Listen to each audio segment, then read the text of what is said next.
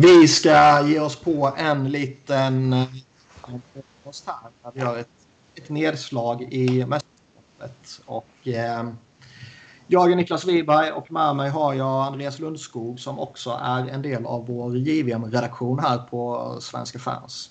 Hur är läget med dig idag? Jo, det är finfint efter nattmanglingen här under nyårsaftonen. Så man har väl precis vaknat och fått en liten återställare med en kebabpizza här precis. Så det är finfint med eh, hockey hela tiden just nu faktiskt. De här dagarna. Även om det inte gick så jättebra för eh, Sveriges del i natt. Nej, det kan man ju inte säga. Det är eh, två raka smällar här nu mot, eh, mot först ryssarna och sen USA där eh, dels har ju den här mäktiga sviten då brutit så det kan vi väl komma in på också vad det kan betyda eller inte betyda. Men framförallt så känner jag ju att insatserna har varit lite oroväckande inför kvartsfinal och eventuellt fortsatt slutspel efter det. Visst är det så liksom. Framförallt hur, hur Sverige har gått ut i de här båda matcherna. Man har, man har inte varit startklara för fem öre. Man har stått och, och tittat på när både Ryssland och eh, USA faktiskt har spelat hockey i en tokhög nivå. Så eh, det, det är väldigt, väldigt oroväckande att man inte får, får igång laget från start här. Mm. Eh, om man tittar till Rysslandsmatchen så hade ju, ja men det var ju Jesper Wallstedt som, som räddade Sverige där då, då att det kunde ha stått både 3, 4, 5-0 under den första perioden. Sen kom man ju tillbaka den här matchen skillnaden med, med, mot matchen i USA igår, det var ju att det, var, det såg ut så genomgående nästan hela matchen. Förutom undantag i den tredje perioden där USA slog av lite på takten. Mm. Eh, så det här svenska laget, det känns inte som att man riktigt är redo. Och det känns som att den här avgörande spetsen som de här eh, liksom bättre nationerna på, på pappret har, den saknas i Sverige just nu och eh, dessutom tycker jag att det är lite underprestation på vissa spelare som till exempel eh, kedjan med, med eh, Holtz och Raymond och även på vissa backar som Viktor Söderström och eh, Filip Broberg som inte vet hur det egentligen står till med. Nej, och jag tycker man kan vända på det också. Och det, det är liksom inte bara lite underprestationer. Jag tycker också det finns ett... Det är få spelare som det känns bara man iskallt kan konstatera att ah, men de presterar lite över förväntan. typ. Mm. Vilket kanske är vad ett lag som Sverige behöver om man ska gå långt i ett JVM. Jag kan väl tycka att det är typ Elmer Söderblom och Arvid Kostmar som, som är de som imponerar på mig så tillvida att de överpresterar lite vad man kanske trodde. Mm. Exakt, båda de två har ju gått fram och gjort det väldigt, väldigt bra. Framförallt Emil Söderblom som har varit en, en gigant på isen och den enda som har varit det stora utropstecknet. Arvid Kostman gör jätte, jättebra ut efter förutsättningarna och ut efter sin roll. Men det är ju inte, det är inte de på förhand som ska leda det här laget och liksom skapa den här känslan. Liksom, jag får inte den här riktiga känslan att vi är ett riktigt vinnande kollektiv. Eh, utan det känns som att man viker ner sig lite för, för mycket. Och Mm. Just om man tittar på Holtz och Raymond där som inte alls har fungerat så tycker jag inte att det funkar eh, i centerrollen med Albin Sundsvik. Ingenting ont om Albin Sundsvik. Det är, en, det är en spelare som verkligen har kommit upp här under, eh, under hösten och gjort det jättebra i SHL i, i Skellefteå. Men han är ju inte den riktiga typen, den här riktiga playmakern. Nej, han är ju ingen första center. Exakt, och det, det är liksom, här, han är mer en Patrik Hörnqvist typ som ska stå och gruffa och buffa framför mål. Men det är ju ingen spelfördelare och det är det Holtz och Raymond behöver. Eh, så att jag, skulle jag vara Johan Rundmark så skulle jag nog välja att sätta in en eh, Theodor Niederbach i den här första rollen i, mot Finland imorgon. För jag tycker att den mm. kedjan den har kört fast och står bara och trampar eh, vatten just nu. Det var ju mycket snack om att det var Niederbach som var eh, huvudalternativet när de gick in i kampen och i början på kampen där. Ehm, sen så blev det väl Sundsvik då i, i slutändan. Och jag håller med dig där. Jag tycker hans... Ehm, han är lite mer drivande. Det är lite, lite högre fart på honom. Han trycker fram lite mer på ett annat sätt. Medan eh, Sundsvik är liksom jag kan förstå teorin bakom tanken att sätta honom som center mellan Raymond och Holtz. Eh, om man tänker att de två ska få lite fritt utrymme och kunna göra sina grejer. Liksom. Men jag tycker det, det nej, det har inte funkat. Jag, jag tycker man behöver... Eh, man har ju testat det vid något tillfälle tidigare och jag tycker man nog bör testa det på permanent basis nu faktiskt. För jag tror väl mycket väl att, att Sverige här kan ta sig förbi Finland även om Holtz och Raymond inte liksom kommer igång och börjar producera som som eh, Trevor Segras, Dylan Cousins och Tim Stützle och eh, alla de andra toppspelarna i turneringen. Liksom. Exakt. Men jag tror eh. inte de kommer kunna rå på USA, Kanada, Ryssland i en fortsättning. Exakt. Om ja. de inte presterar bättre. Jag håller mig fullt ut där. Eh, de måste komma upp i nivå för att Sverige ska kunna ens vara med och utmana om en medalj i det här mästerskapet. Eh, det jag funderar på lite, ska man till och med börja sära på dem? Ska man till och med köra med två kedjor, att man flyttar ner Lucas Raymond i en andra kedja till exempel? Eh, är det att de kanske låser sig vid varandra? För att om man tittar sett ut i skott eh, möjligheter och sådana saker så att jag kollar lite på siffror under natten här så är ju de i topp i antalet avslut mot mål. Men mm. är det att de kanske söker varandra lite för mycket och skjuter lite på första bästa istället för att... Eh, tror du att det vore bättre att sära på dem? Jag vet inte, jag såg lite expected goals sådär inför den här sista matchen nu där Lucas Raymond låg eh, väldigt bra till och det kanske då kan vara en indikation på att har man lite tålamod så kommer det lossna. Men frågan är också hur långt tålamod man kan ha i en turnering som sträcker sig över sju matcher. Exakt. Saker bör ju hända. Jag, jag, jag tycker ändå det finns, alltså blickar man tillbaka så finns det ändå ett track record av att de två passar väl ihop. De har varit framgångsrika tidigare. Eh, jag skulle nog behålla dem i samma kedja, men som sagt eh, starkt överväga en, en annan center. Sen är, sen är det ju liksom, man får inte glömma också att det är två potentiella centrar som vi tappade. Mm. Karl Henriksson skulle väl lirat där innan han försvann och skulle han försvunnit skulle väl det mycket väl kunna vara så att eh, William Eklund spelar där istället. Mm. Och det är ju två centrar som, även om Eklund är mycket winger också, så är det väl två spelare som, som jag håller högre än både Sundsvik och Niederbach och allt vad det finns i laget. Liksom. Exakt, jag håller med helt, helt fullt ut där. Och centersidan var ju det vi sa innan det här mästerskapet är den svagaste punkten för Sveriges mm. del. Det finns inte någon, någon som är i närheten av eh, toppcenternivån som finns i både Kanada, USA och Ryssland. Det finns inte i Sverige. Eh, så att eh, det ska bli intressant att se hur, hur Joel Rönnmark resonerar. Jag trodde ju att Holt skulle få lite av den här ketchup-effekten när han ätade, lite turligt ska vi säga, men eh, även om det var mm. välförtjänt, eh, mot eh, Ryssland. Eh, men som man såg igår så var det ju inte ens en tillstymmelse till, till offensiv. Eh, däremot så kanske det också hänger upp lite med, med Sveriges försvarsspel igår. För det var ju det, alltså det var ju nästan skrämmande dåligt stundtals igår tycker jag. Ja. Och det, det är liksom du var inne på där också tidigare. Det, fan, det är inte bra med Filip Broberg alltså. Han, han, uh, han ser rejält sargad ut. Och jag tycker det är fullkomligt obegripligt att han spelar så mycket och så länge som han gjorde här mot USA. Matchen var förlorad jättetidigt och vi har en lagkapten och en nyckelspelare som är helt söndertrasad nästan. Och man ska fortsätta spela honom och spela honom och han ska ta emot tacklingar och skit och grejer. För fan, sätt honom och bara börja fokusera på kvarten istället. Exakt. Jag, jag förstår inte. Alltså varenda, varenda där ute i, i det hela ledarstaben måste ju ha sett att han inte mådde bra. Att han inte kunde, han såg till närmast handlingsförlamad ut i sina ageranden. Alltså det gick ju inte ens ja, så... han kan inte hålla klubban ordentligt och skit och vad fan det är liksom. Det är... Exakt. Och hur kan man då spela när man ligger under i en gruppspelsmatch med 4-0 och man väljer att ta av honom när det är drygt sju minuter kvar. Mm. När man har haft det hela, egentligen, man har haft en underläge sen, sen i, tidigt i den andra perioden med 4-0. Ta av, eh, ta av Broberg. Det, det, att det ska vara så svårt liksom.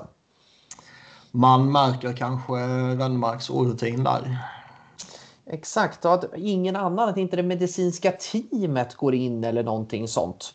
Eh, det är för mig helt obegripligt. Mm. Sen vet jag inte, det är ju frågan om vad det är om. Liksom. Han vilade ju mot, mot Österrike där. Det är frågan om vad för typ av skada det kan röra sig om. Det ser ju ut att vara någonting med axeln eller någonting. Ja, jag tänkte säga det. Som inte ser eh, bra ut helt enkelt. Och det är frågan om han ens kommer kunna vara med mot, mot eh, Finland här nu. Vi väntar på en presskonferens som kommer ske klockan 22.00 svensk tid här där vi kanske har lite mer information. Men mm. Alltså det är ju, statusen på honom är ju oerhört osäker och, och, jag tycker inte han ska inte vara med om man inte kan gå ut fullt ut. Eller i alla fall till 80 procent. Igår spelade han kanske på 40. Ja, sen har man ju fördelen att man kan dressa sju eller ja, till och med åtta backar om man vill det. Mm. Och eh, det, det, det är väl lite betryggande. Då kan man ju chansa med honom på ett annat sätt. Eh, för det är klart att man vill ha Broberg på, på isen i en kvartsfinal mot Finland. Liksom, om, han, om, han är, eh, om det finns en chans att han kan göra bra ifrån sig. Liksom. Mm. Eh, det kanske är en annan grej om man bara har tillgång till sexbackar. Exakt, ja det, det om man skulle kanske kunna sätta upp, upp honom som spetskompetens i, i powerplay och i offensiva lägen. Mm. Eh, hade ju varit en, en jättetillgång men han måste verkligen kunna vara frisk för att det såg, det såg riktigt illa ut där. Minus tre igår också. Inne på tre baklängesmål för eh, när USA gjorde det. Och, eh, nej, det är någonting som inte stämmer där. Eh, och... alltså, är jag Finland och han spelar kommer jag ju gå stenhårt på honom. Han ska Exakt. in i sargen i varenda byte. Han ska få en smäll på axeln, om det nu är axeln, men det tycker jag nästan man kan förutsätta. Uh, han ska få en smäll på axeln varenda byte. Han ska ha så ont och vara så sargad om jag är Finland. Lite så spelade ju faktiskt Schweiz mot Tyskland eh, mot eh, Stützle. Mm. Eh, det var ju några riktiga proppar de delade ut på, på honom där och försöka bara få honom ur, ur spel. Liksom. Och det, det, det är det som kan bli farligt faktiskt. Det är när man vet och när det syns så pass tydligt att killen inte är helt hundra i, eh, i det fysiska. Liksom. Mm. Eh, men tittar man på backsidan eh, överlag så tycker jag inte att en sån som Viktor Söderström, nu ska jag inte sitta och, kritisera varenda spelare i Sverige bara för att man förlorade igår. gå, gå in med motor, motorsågen Black Decker och bara rasa på här nu. Men... Kalle Klang kan klara sig. Exakt ja, den enda, den enda som är, slipper kritik här nu. Eh, nej, men, men, men, en sån som Viktor Söderström tycker jag inte heller har kommit upp i den normala nivån som man har sett eh, tidigare från honom. Nej, jag skulle inte kalla honom dålig, men samtidigt tycker jag att han har varit tillräckligt bra. Inte genomgående.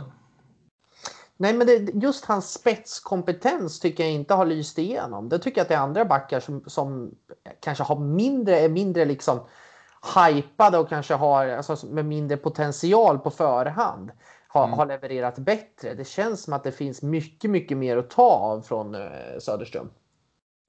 Ja, jag håller med. Sen samtidigt, han hade väl något jävla skadeproblem där i slutet i AIK. Mm. Han missade väl någon eller några matcher eller vad det nu var. Man undrar ju om något skit kan hänga kvar i honom också. Eller om det bara störde uppladdningen eller något sånt där. Mm. Någonting, någonting känns ju också som att det inte riktigt lirar riktigt, riktigt helt hundra där. Jag tycker ju man kan förvänta sig mer av en sån som Björnfot också.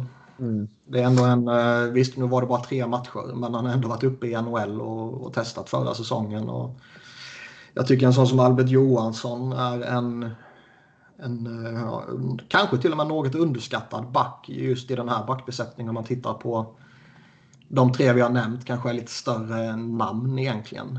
Men jag tycker det är i grunden en, en väldigt skicklig back som känns som att han har mer att krama ur sig också. Liksom.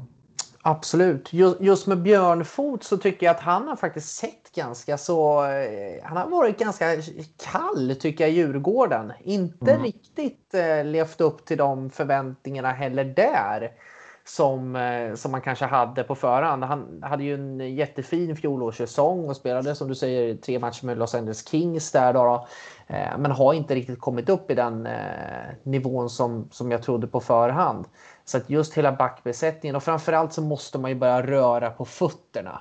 Det såg ut som att eh, man hade sirap i benen. Nu, nu kom han från en jättetuff match mot Ryssland så vi ska inte vara allt för, för, för hårda här. Men, men eh, det, det, man hängde inte med i skridskoskäran. Eh, och det, det Nej. Och det, det, det är lite som du är inne på också. Det är intressant det här just med att man spelar back-to-backs mot först Ryssland och, och sen USA. Det, det, finns ju det finns lite förmildrande omständigheter i, eh, som man kan hitta i båda matcherna egentligen.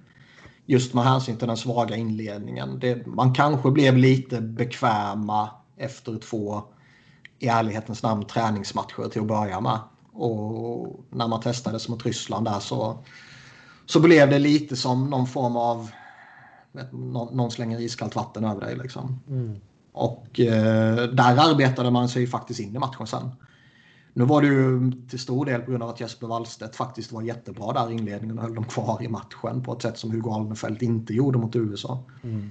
Men där arbetade de sig in och tog väl till stor del över matchen också till och med. Mm. Ja, men jag tyckte det... Ja, jag fortsätter, fortsätter. Ja. Sen märkte man ju mot USA då att, eh, att man var lite segstartade där. Kanske beror på, helt enkelt på att man spelar back-to-back.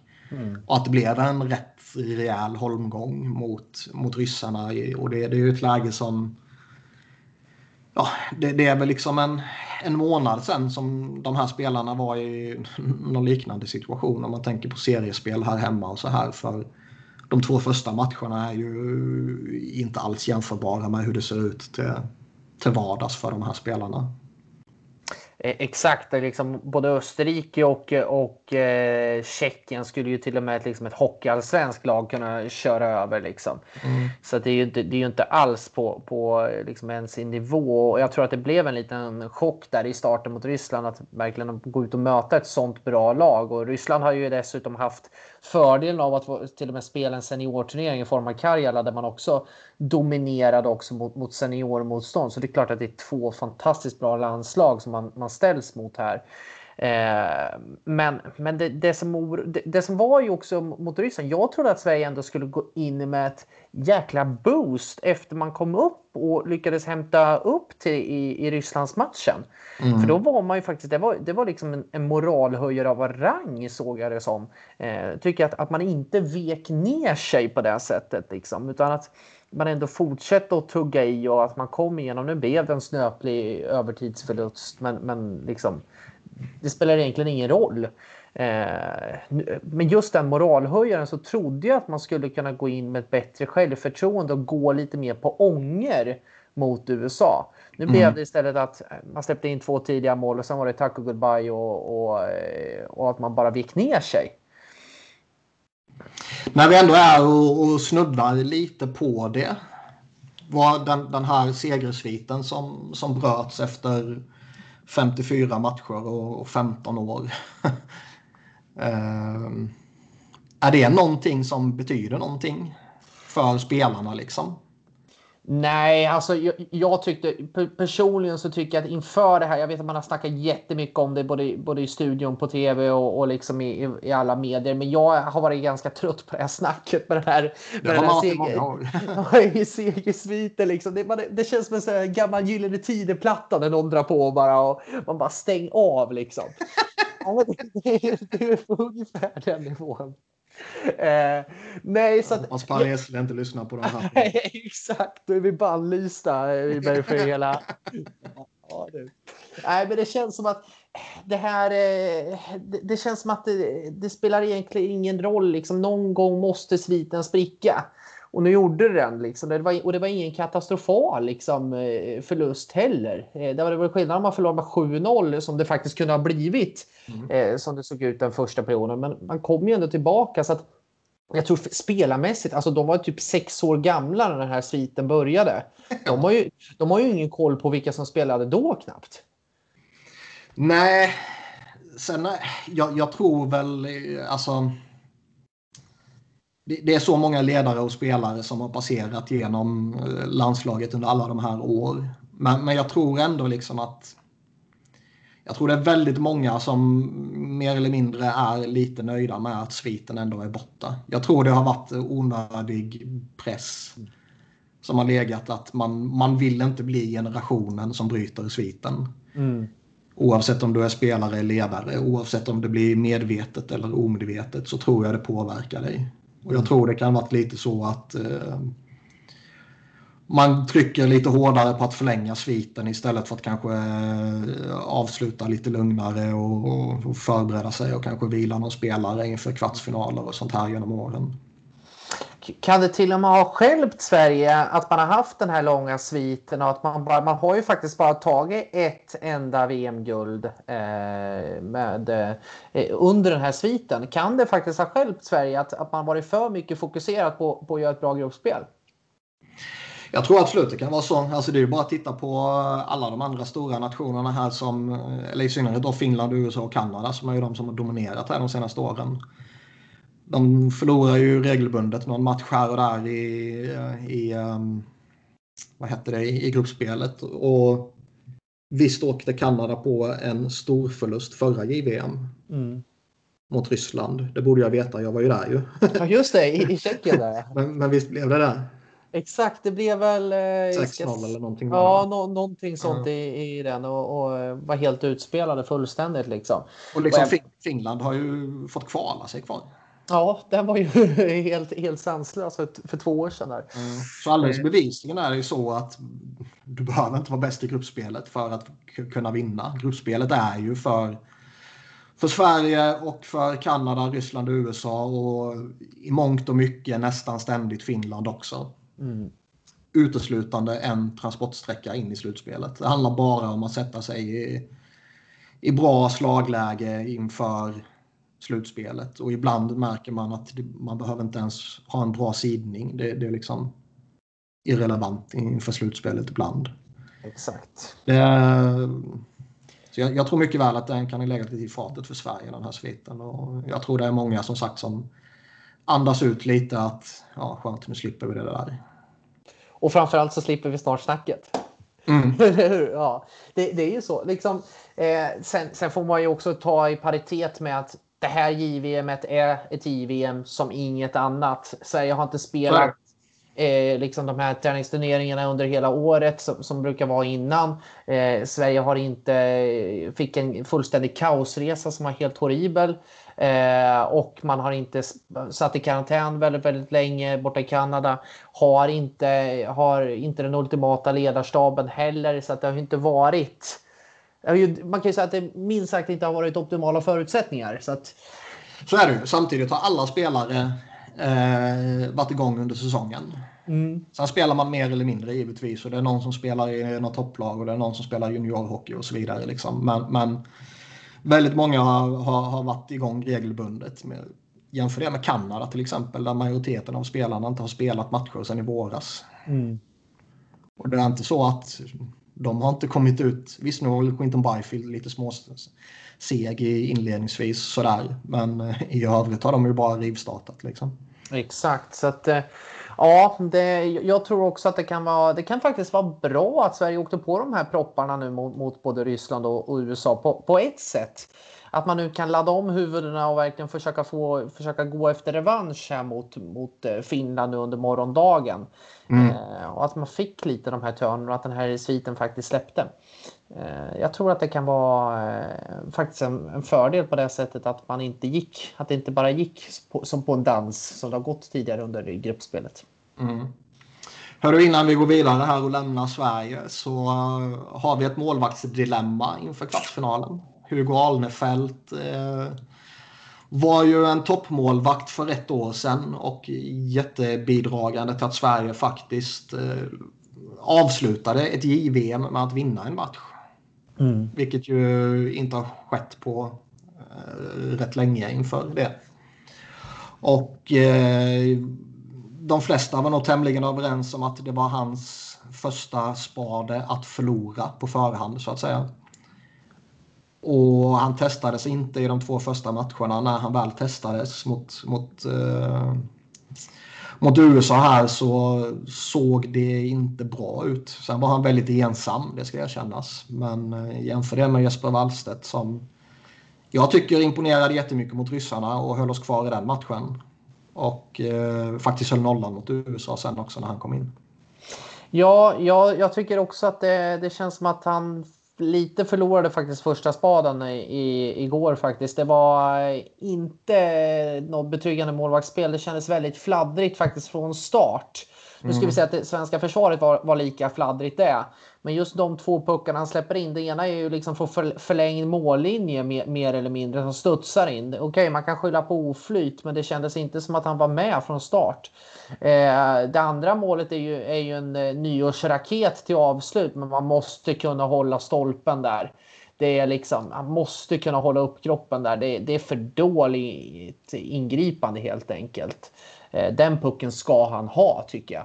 Eh, när Seagrass gör, gör det där eh, 2-0 målet och det blir ju liksom en uppförsbacke deluxe direkt då, då. Och sen såg han väldigt osäker ut efter det. det alltså, såg väldigt, väldigt fladdrig ut i målet framförallt.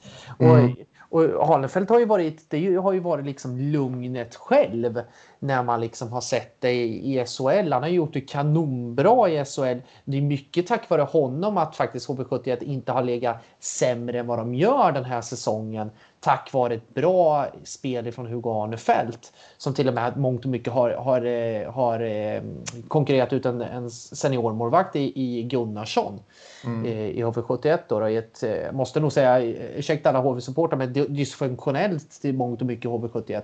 Så att jag var faktiskt överraskad att, att, att han svarade upp med ett sånt svagt spel igår. Och Wallerstedt har ju varit superbra uppe i Luleå under, under hela under hela den här säsongen och, har ju faktiskt haft en, en grym räddningsprocent där. Så att jag tycker att Wallerstedt känns som en, en första keeper i det här laget och framförallt med det svar, spelet han svarade upp till, mot Ryssland för där var han ju fullständigt som en, som en vägg nästan. Eh, när, när Sveriges försvar bara gick ner sig fullständigt. Mm. Jag undrar om, eh, om de har modet att byta målvakt. Det känns... Eh, det känns inte som... Det känns som att det kommer krävas något enormt för att de bara ska växla bort från Alnefelt. Och jag undrar om det här är tillräckligt enormt. Ja, det, det, är ju liksom, det är ju svårt det där. Alltså, frågan är hur, hur han själv känner, alltså, hur, hur, hur, han känner sig i form. Liksom. Han har ju inte spelat så jättemycket nu på, men under en dryg månad. Och liksom, det jag står, hur är det med hans form överhuvudtaget? Eh, sen, jag tycker väl att man kanske skulle ha spelat honom så att han hade kunnat fått in lite, blivit lite varm i kläderna tidigare.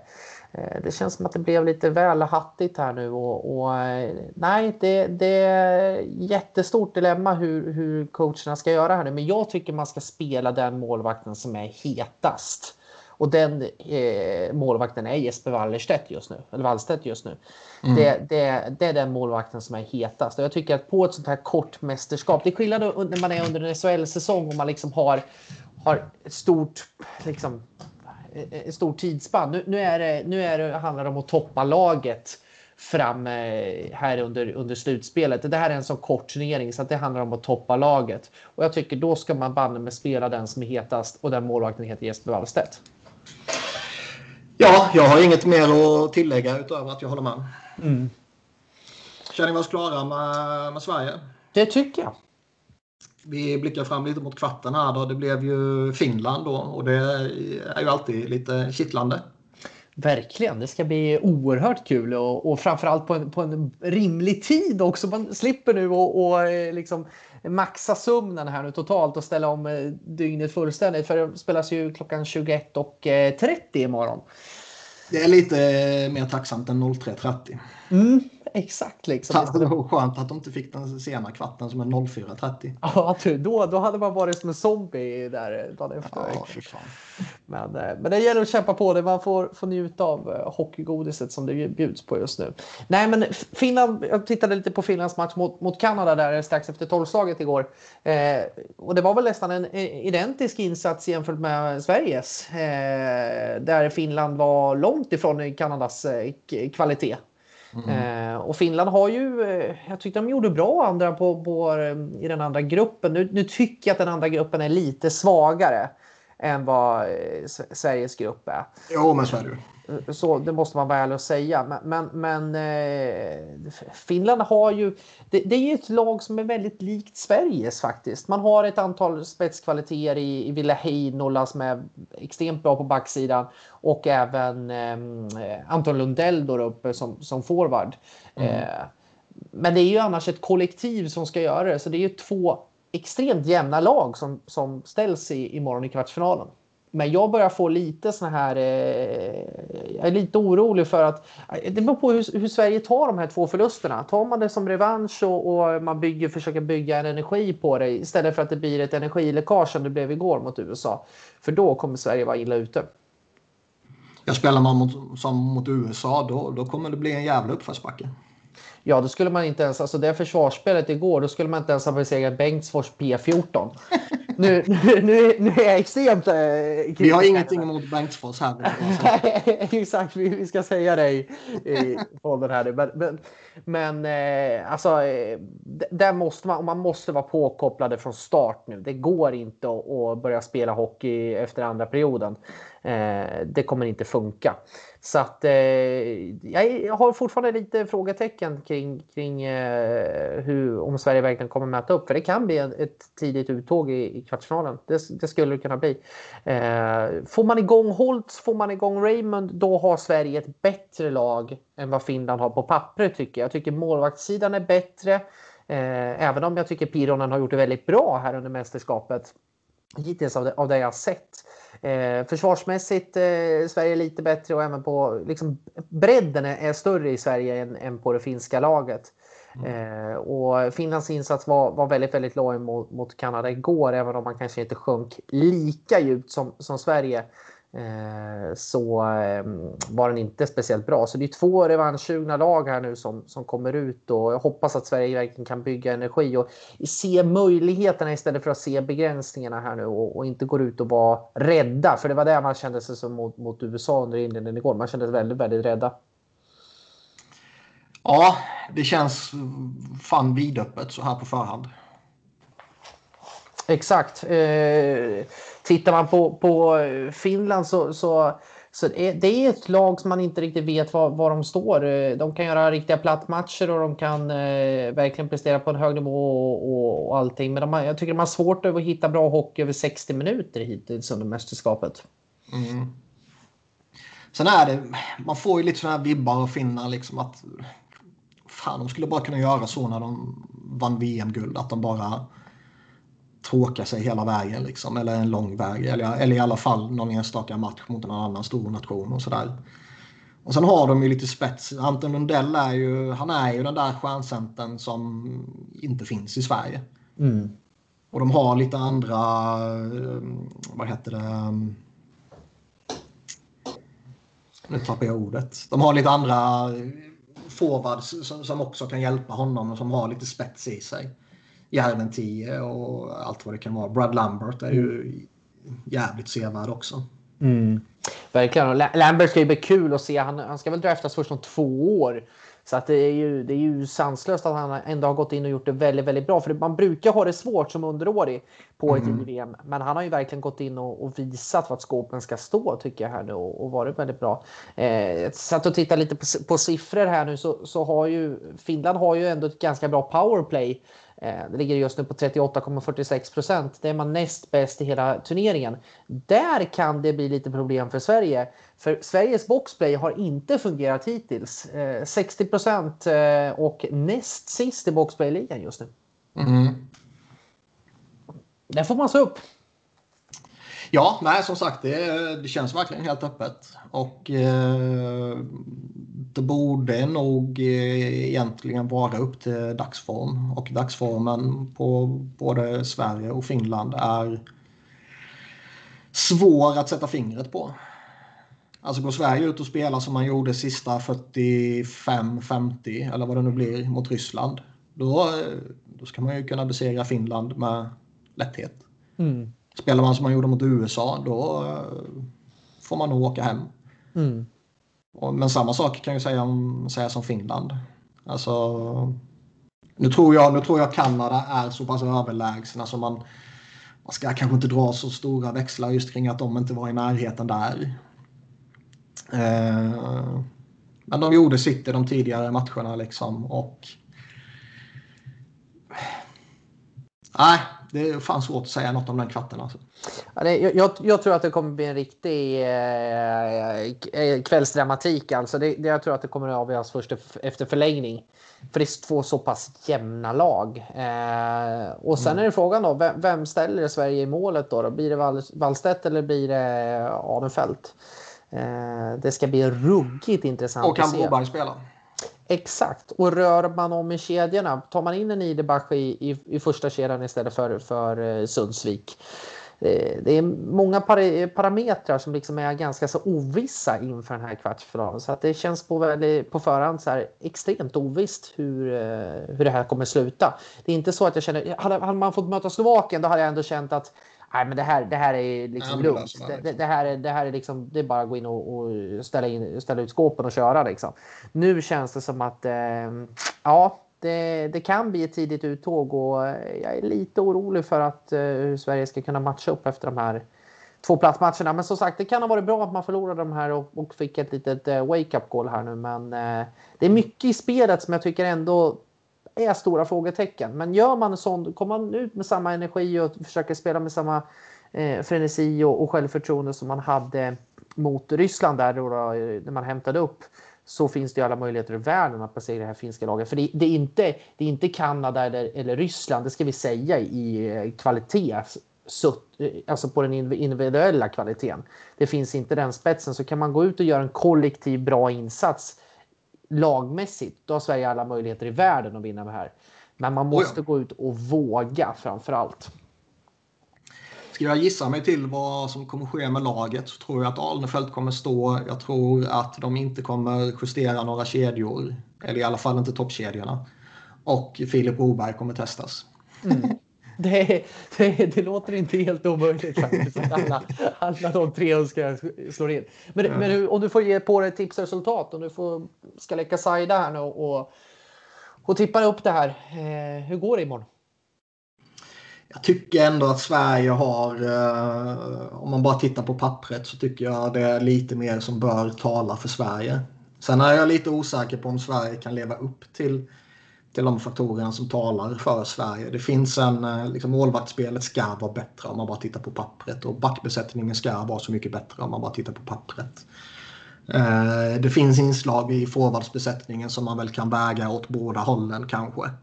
Men jag tycker ändå det finns en spets i Sverige som, som, ska, som man ska få ut.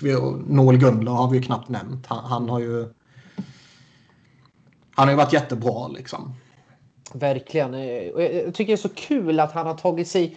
Han, efter att ha varit petad i U18-VM där Sverige också vann. Han blev petad i JVM förra året. Han har inte haft det jättelätt under Thomas Bulon Berglunds ledarskap uppe i Luleå. Flyttar till Brynäs, får en liten nytändning. Har sett ganska bra ut in, inför mästerskapet i SHL. De få matcherna han gjorde i Brynäs innan där då. Mm. Eh, och eh, kommer in och verkligen bara kör det här. Eh, jag skulle vilja se fler spelare i Sverige som gör lite som Gunnar, att man släpper handbromsen. Man går ut och bara kör på, på eh, självförtroende. Eh, det känns som det är lite han och Söderblom som leder laget nu. Mm, och visst Raymond och Holt, man kunde se de åkte åttor runt Österrike och sådär. Men vad fan, det räknas inte. Nej, det, det, det var som vi sa, det, det, skulle till och med du kunna göra ja, i, i ja. den där. i den där liksom. det, det är ju inte ens ett motstånd liksom, som finns, finns med. Liksom. Så att, det, det är ju de två som jag tycker har gjort det tillsammans med Kostmar. Det, det är det som har funkat i Sverige. Eh, nu gäller det att fler spelare går ut och säger, visar att jag vill vara med här nu. Jag vill, jag vill ta ansvar. Jag vill eh, ha en ännu större roll. Liksom. Jag, framförallt sådana, sådana som, som Holtz och Raymond som är tänkta som, som absoluta spets i det här laget. Gå ut och kör och, och jag tror inte man ska tänka så jäkla mycket egentligen. Nej. Sen får man ju inte bli liksom, totalt eh, liksom, ansvarslösa. Det, det Nej, i, i den defensiva zonen. Men jag skulle vilja se lite. Jag tycker att det har låst sig väldigt mycket. Det känns som att det, det låst sig lite för mycket i eh, den svenska offensiven. Mm. ska jag ge mig på ett tips så säger jag nog ändå 3-2 till, till Sverige. Mm. Jag tycker det, det, finns lite som sagt faktorer som borde vikta över i Sveriges fördel och eh, 3-2 känns eh, inte alls omöjligt. Däremot tror jag sen att eh, det kan bli riktigt jobbigt eh, i fortsättningen om, om man räknar med att Kanada, USA och Ryssland går vidare, vilket man ju får räkna med. Exakt. Eh, jag satt och kollade lite igår och eh, Sverige får ju troligtvis möta faktiskt Kanada i en semifinal. Mm. Eh, om, eh, som det ser ut nu då, om man, om man besegrar Finland. Men jag, jag tror också på, på 3-2. Jag tror att Elmer Söderblom faktiskt ska avgöra den här matchen i förlängning. Eh, jag, tror, jag tror det. Eh, jag tror att Sverige kommer dra det längsta strået i, imorgon, men det kommer att bli nervkittlande utan bara tusan och det är det som är så kul med det här JVM också. Så är det. Innan vi rundar av här så tar vi lite av de andra stora nationerna och vi tar väl motståndarna från igår till att börja med USA här. De, eh, eh ja, de, de dominerade fullkomligt mot, eh, mot Sverige. De hade inga problem överhuvudtaget mot eh, Tjeckien, Österrike, men de torskade faktiskt mot ryssarna. Mm. Och det, det var första matchen i turneringen, det kanske inte betyder ett skit, bla bla bla.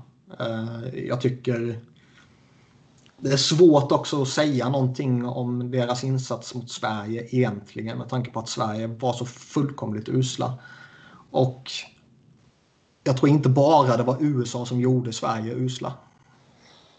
Exakt. Jag, jag tycker att det amerikanska laget visade att man kommer vara med ända fram till, till liksom om, om eh, totala medaljerna. Jag, jag, tror att definitivt man, jag tror man kommer gå jag vet inte, det, det, final vet jag inte om det känns, men det kommer i alla fall bli en bronspeng, minst tycker jag.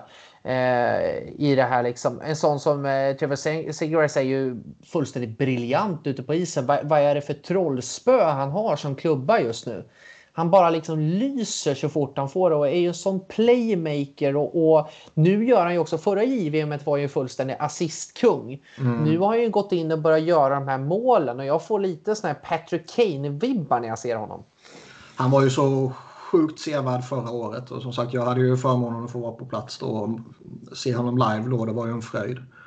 Eh, nu har han steppat upp ett steg till. Mm. Och han är ju JVMs mm, klart mest sevärda spelare hittills, skulle jag säga. Exakt, jag håller med fullt ut där. Och det amerikanska laget tycker jag känns väldigt homogent. Jag tycker att man har en sån som Cam York också som gör det jättebra på backen. Man har en eh, Jake Sanderson som också gör det väldigt bra. Du har en Alex Turcott som är lite av en katalysator som också gjorde sitt första mål i, i matchen igår. USA känns som att man har, man har väldigt bra rollspelare och man har väldigt ut, eh, uttalade roller tycker jag i det här laget som man har, man har hittat rätt med. Alla mm. vet på något sätt sin uppgift. Eh, det tycker jag ger USA styrka här under inledningen faktiskt. Och sen så om man ser till första matchen man förlorade mot Ryssland, då var faktiskt inte Spencer Knight jättebra. Det, det måste man säga. Tyckte båda Nej, och sen höll de ju tre raka nollor. Exakt, så det kanske var en självförtroende höjare där att man kom, man kom tillbaka och han har ju stått i två av de matcherna. Så att, mm det känns ju som att, som att där är man på uppgång. Sen, var båda målvakterna i den matchen mot, mot Ryssland ganska svaga. Askarov hade också en ganska tuff tuff start men växte in sen. Och, och um, där har man ju jättepotential också om, om han kan steppa upp ytterligare. Han var ju kanske en av JVMs absoluta bästa målisar tillsammans med Hugo Hanefelt förra året. Så att eh, det amerikanska laget tycker jag känns det känns väldigt, väldigt tydligt framförallt i sitt spel. Vad man vill, vad man har för roller och att spelarna verkligen levererar ut efter det. Jag var lite, så här på förhand var jag lite tveksam till, till det amerikanska lagets liksom, offensiva ledare. Man visste att Trevor Segras, eh, han är en trollgubbe, men är han liksom matchvinnaren? Och visst, han, han var assistkung förra året, men ska man vara matchvinnare kanske man behöver göra målen själv också. Liksom. Mm.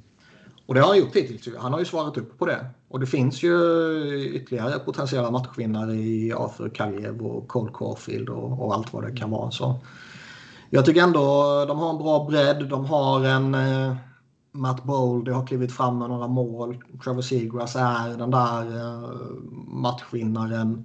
Cam York har varit fantastisk. Alex Turcott som du nämnde har varit bra. Man har fått lite, lite secondary scoring från lite Bobby Brink och John Farinacci och lite sånt här. Och man har ju sparkapital fortfarande också i Cole Caulfield. Mm.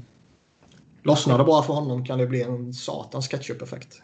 Exakt, och jag tycker att det här amerikanska laget, det känns som att man har lite, känns som att man inte riktigt har lagt in högsta växeln men man har ändå spelat på en extremt hög nivå redan nu. Mm. Så att eh, jag tror att USA kan bli livsfarliga och jag tror att man kommer att göra blåbärssoppa av Slovakien imorgon. Allt annat vore ju faktiskt jättekonstigt. Mm. Om man inte på något sätt skulle kunna göra någon form av plattmatch och, och som vi har sett det amerikanska gjort, laget gjort tidigare när man har varit på mästerskap. Man har fått lite plump i protokollet och gruppspelet har varit väldigt bra. Eh, men jag tror inte det, utan jag tror att eh, USA kommer att göra blåbärssoppa och man kommer att vara livsfarlig i det här slutspelet. Jag håller med.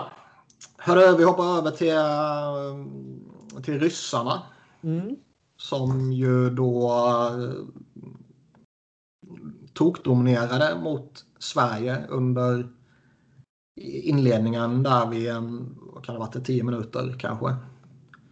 Och sen så stod det väl och viktade lite fram och tillbaka. Det var li, lite, lite jämnare och sen tog Sverige över. Och man får väl även här säga att det kan vara lite svårt ändå att utvärdera ryssarna. Visst, de vann mot USA där i början, som, men som du var inne på var det kanske det var en udda match. Liksom. Och sen torskade man mot tjeckerna som Sverige körde över. Och sen körde man över Österrike. Exakt, det är väldigt, väldigt ojämn eh, prestation. Och det är det jag känner lite med det här ryska, eh, alltså rysk hockey generellt. Alltså det finns inget landslag som kan köra på en sån hög växel, som kan lägga i en sån hög växel. Men det finns mm. inte heller eh, ett landslag som, men de gör det inte över tid utan man har liksom perioder i matcher där man fullständigt gasar. Men sen kan man se helt loja ut och gå ner fullständigt i energi. Och det här har vi sett tidigare både på seniornivå och på junior-VM-nivå. Tidigare att, att det är någonting med Ryssland att man hittar inte den här kontinuiteten utan man har, man har jättehöga toppar och så har man väldigt dåliga dalar liksom. Mm i matcherna och, och, man måste på något sätt kunna hitta en kontinuitet. Man behöver inte ligga på en sexa i växel hela tiden utan man kanske räcker med att vara en fyra genomgående under matchen istället. För att man hamnar i, i väldigt, väldigt svåra lägen när man bjuder in motståndarna. Man måste lära sig att stänga matcher och lite av den här. Jag tycker framförallt man framförallt blev uppretad av Sverige och började nästan liksom dra på sig onödiga utvisningar och tappa fokus, la fokus på fel saker när eh, Sverige började reta upp och kliva in och vara den här jobbiga nagen i ögat på det ryska laget. Mm.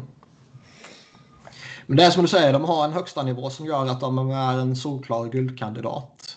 Eh, de har ju, alltså Askarov, han, han är ju en matchvinnare av högsta klass i mål.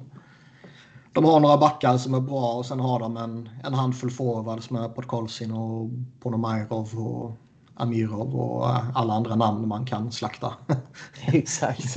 men, men eh, jag, jag skulle väl klumpa in dem lite i, i samma grupp som USA. Att man, man har liksom man har guld i sig men man skulle också kunna gå på en mina. Inte så tillvida att jag tror att de kommer gå på en mina i kvartsfinalen, det tror jag inte. Men eh, i en semi tror jag mycket väl man, man kan misslyckas.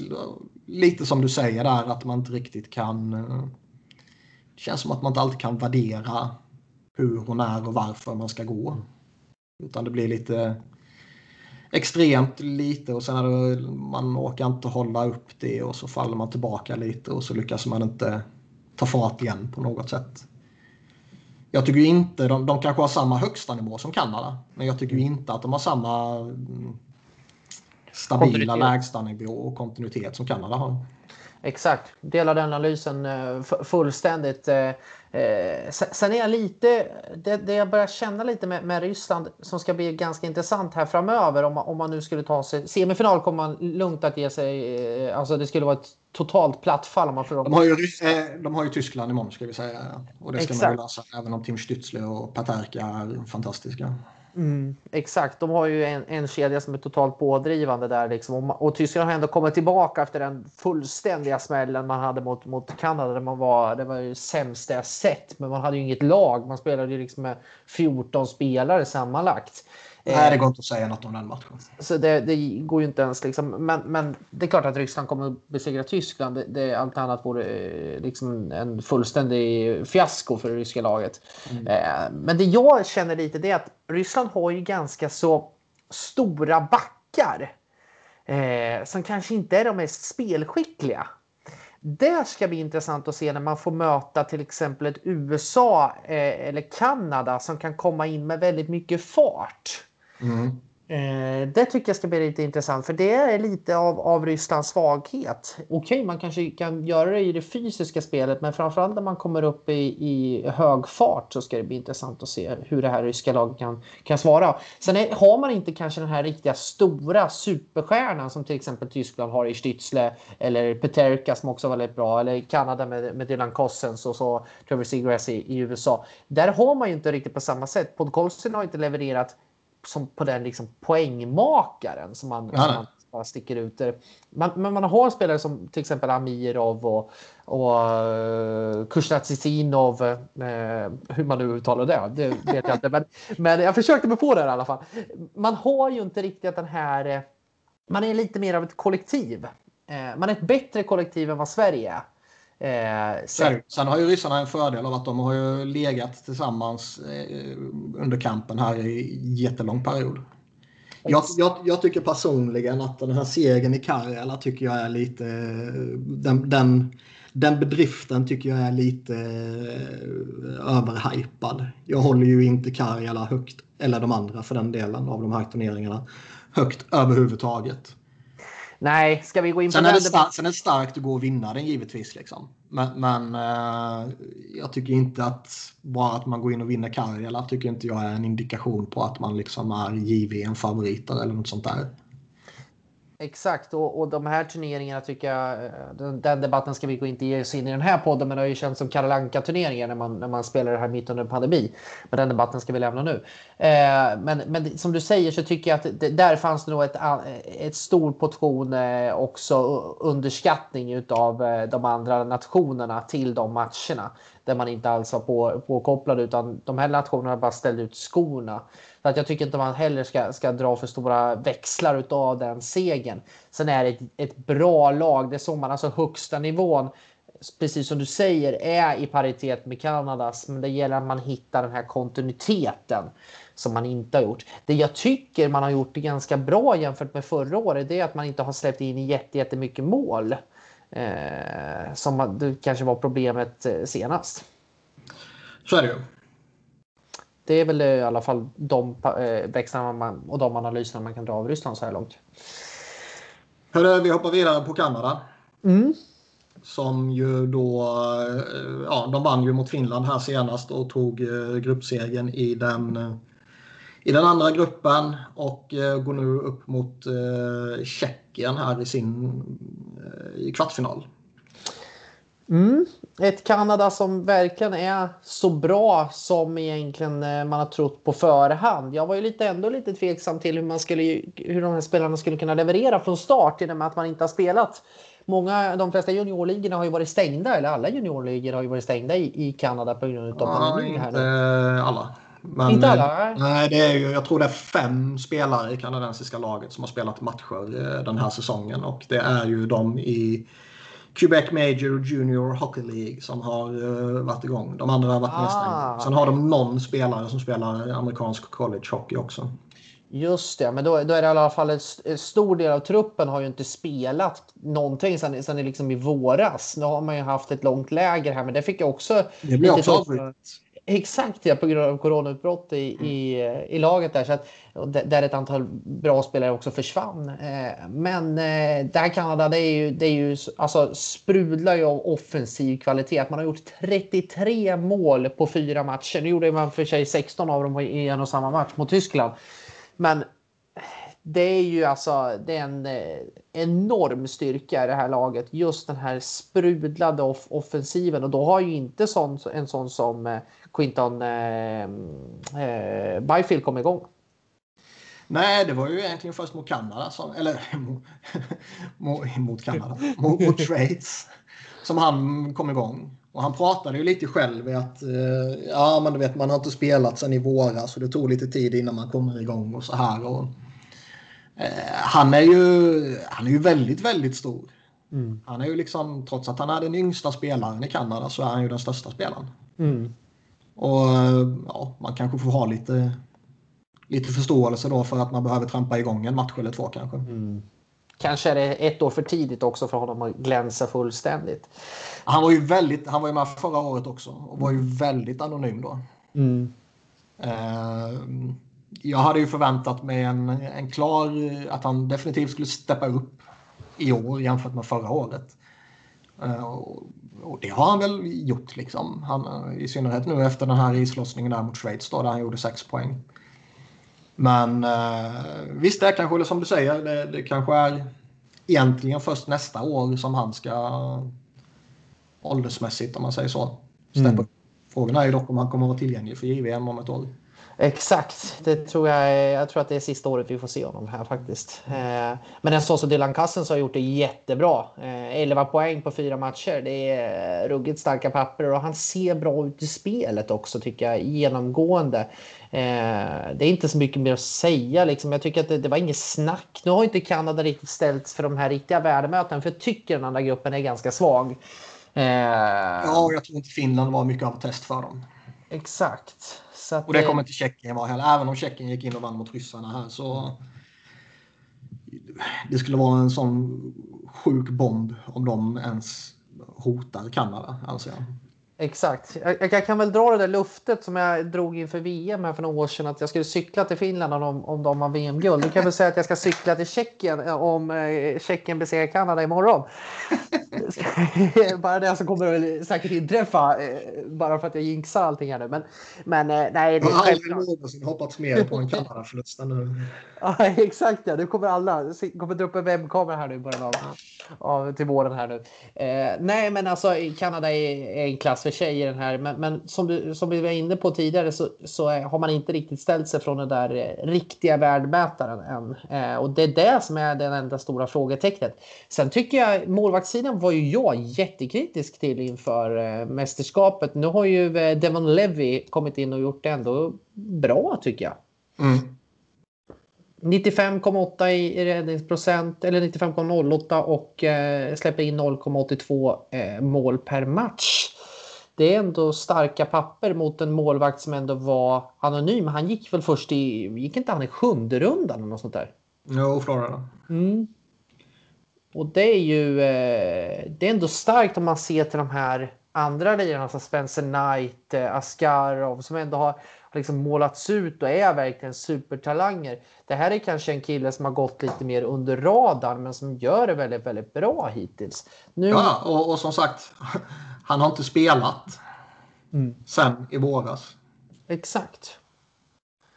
Så att det, det, är ju, det är ju, eh, där är jag faktiskt överraskad hur bra det har funkat. För, men som sagt, vi har inte, de har inte ställt sig på, på sin spets här riktigt. Men i de fyra matcherna som han spelat så tycker jag att det har sett väldigt, väldigt bra ut. Att han är en intressant keeper som, eh, som han tillhör ju eh, Northeast University i, i college-ligan där till, till vardags. Så att, Eh, det är en eh, intressant keeper men, men eh, frågan är om, om, hur det här Kanada kommer reagera om man ställs mot ett Ryssland och man ställs mot ett USA. Det är det som jag... Det, det är de enda farhågorna jag har kring det här laget för det är, det är så pass komplett annars. Mm. Och de har ändå tappat sin första center. Exakt ja, i, i Kirby Dash som, som uh, fick uh, en hemsk handskada där i, inför turneringen. I... Fan, han blev borta för var det, fyra, fem månader har jag för mig jag läste. Fy alltså usch! Och de har inte spelat, de har verkligen längtat att det, att det ska komma igång och få vara med på det här mästerskapet och sen skickas över till, till Chicago Blackhawks och så. Och så går det så liksom. För han hade ju varit en extremt sevärd spelare. Han var ju till snudd på helt ordinarie NHL i, i Chicagos lag där i fjol. Mm. Och han hade ju varit en fullständig playmaker och haft, du kan ju tänka dig Cousins och honom tillsammans. Det hade ju varit liksom en dröm att se för, för oss som är hockeyälskare. Oh ja. Eh, men det jag tycker är att Kanada ändå, man har inte stått och liksom hackat ner sig eller liksom dragit för stora växlar. utav det utan att man ändå har, har, eh, har att andra har tagit ansvar. Det finns en sådan stor bredd i det här laget. Så är det. Och jag skulle säga att Kanada är eh, guldfavoriterna. Mm. Det, det, är laget att slå. Mm. Det är det. Eh, och jag tror att man kommer bara göra av farten här nu eh, mot, eh, mot eh, Slovakien imorgon. Sen är det ju, blir det ju fin eller Tjeckien, ja precis. Och sen blir det ju då Sverige eller Finland i en semifinal då. Det känns ju inte som att som att eh, det är någon speciellt omöjlig uppgift då för Kanada att slå något av de lagen. Så att Kanada tror jag kommer vara ett av finallagen. Det minst sagt. Sen om det blir Kanada eller om det blir USA eller om det blir Ryssland. För det är de tre jag ser som absolut största guldkandidater just nu. Kanada-Ryssland i en final är ju något av en drömfinal. Exakt. Får se om man fixar den där eh, vad heter kameran som det blev så himla intressant förra året. Jag såg att TSN hade ju, när mästerskapet började så hade de ju twittrat ut en bild på att jo då, den här kameran är med i år också. den har repat sig nu, det är fint det. Det var ju den, eh, någon, någon rysk spelare slog, slog sönder tror jag också i, i rysk tv där efter, efter den där finalen. Ja, eh, ja i, någon uppmärksammad eh, sketch där de skulle få till. Ja, alltså, det är klart att Kanada-Ryssland hade varit magnifik final att sett verkligen. Mm. Det hade varit. Hörru, jag tror vi nöjer oss där. Vi har kört på en, eh, en knapp timme och uh, gått igenom det, det relevanta känner jag. Definitivt. Härligt va? Tack Helt för underbart. den här gången. Ja men verkligen. Alltid lika underbart och eh, Sir Hockey och eh, ni lyssnare. Håll utkik på Svenska fans också för både intervjuer och analyser och matchrapporter och mycket, mycket, mycket annat. Jajamän. Vi har toppat eh, formen, eller hur eh, Wiberg, till slutspelet här? Det återstår att se. Orkar du fler, fler nattmanglingar här nu? ja. Nej, det blir vi. Vi kommer toppa formen definitivt. Jajamän. Tack och hej. Tack och hej.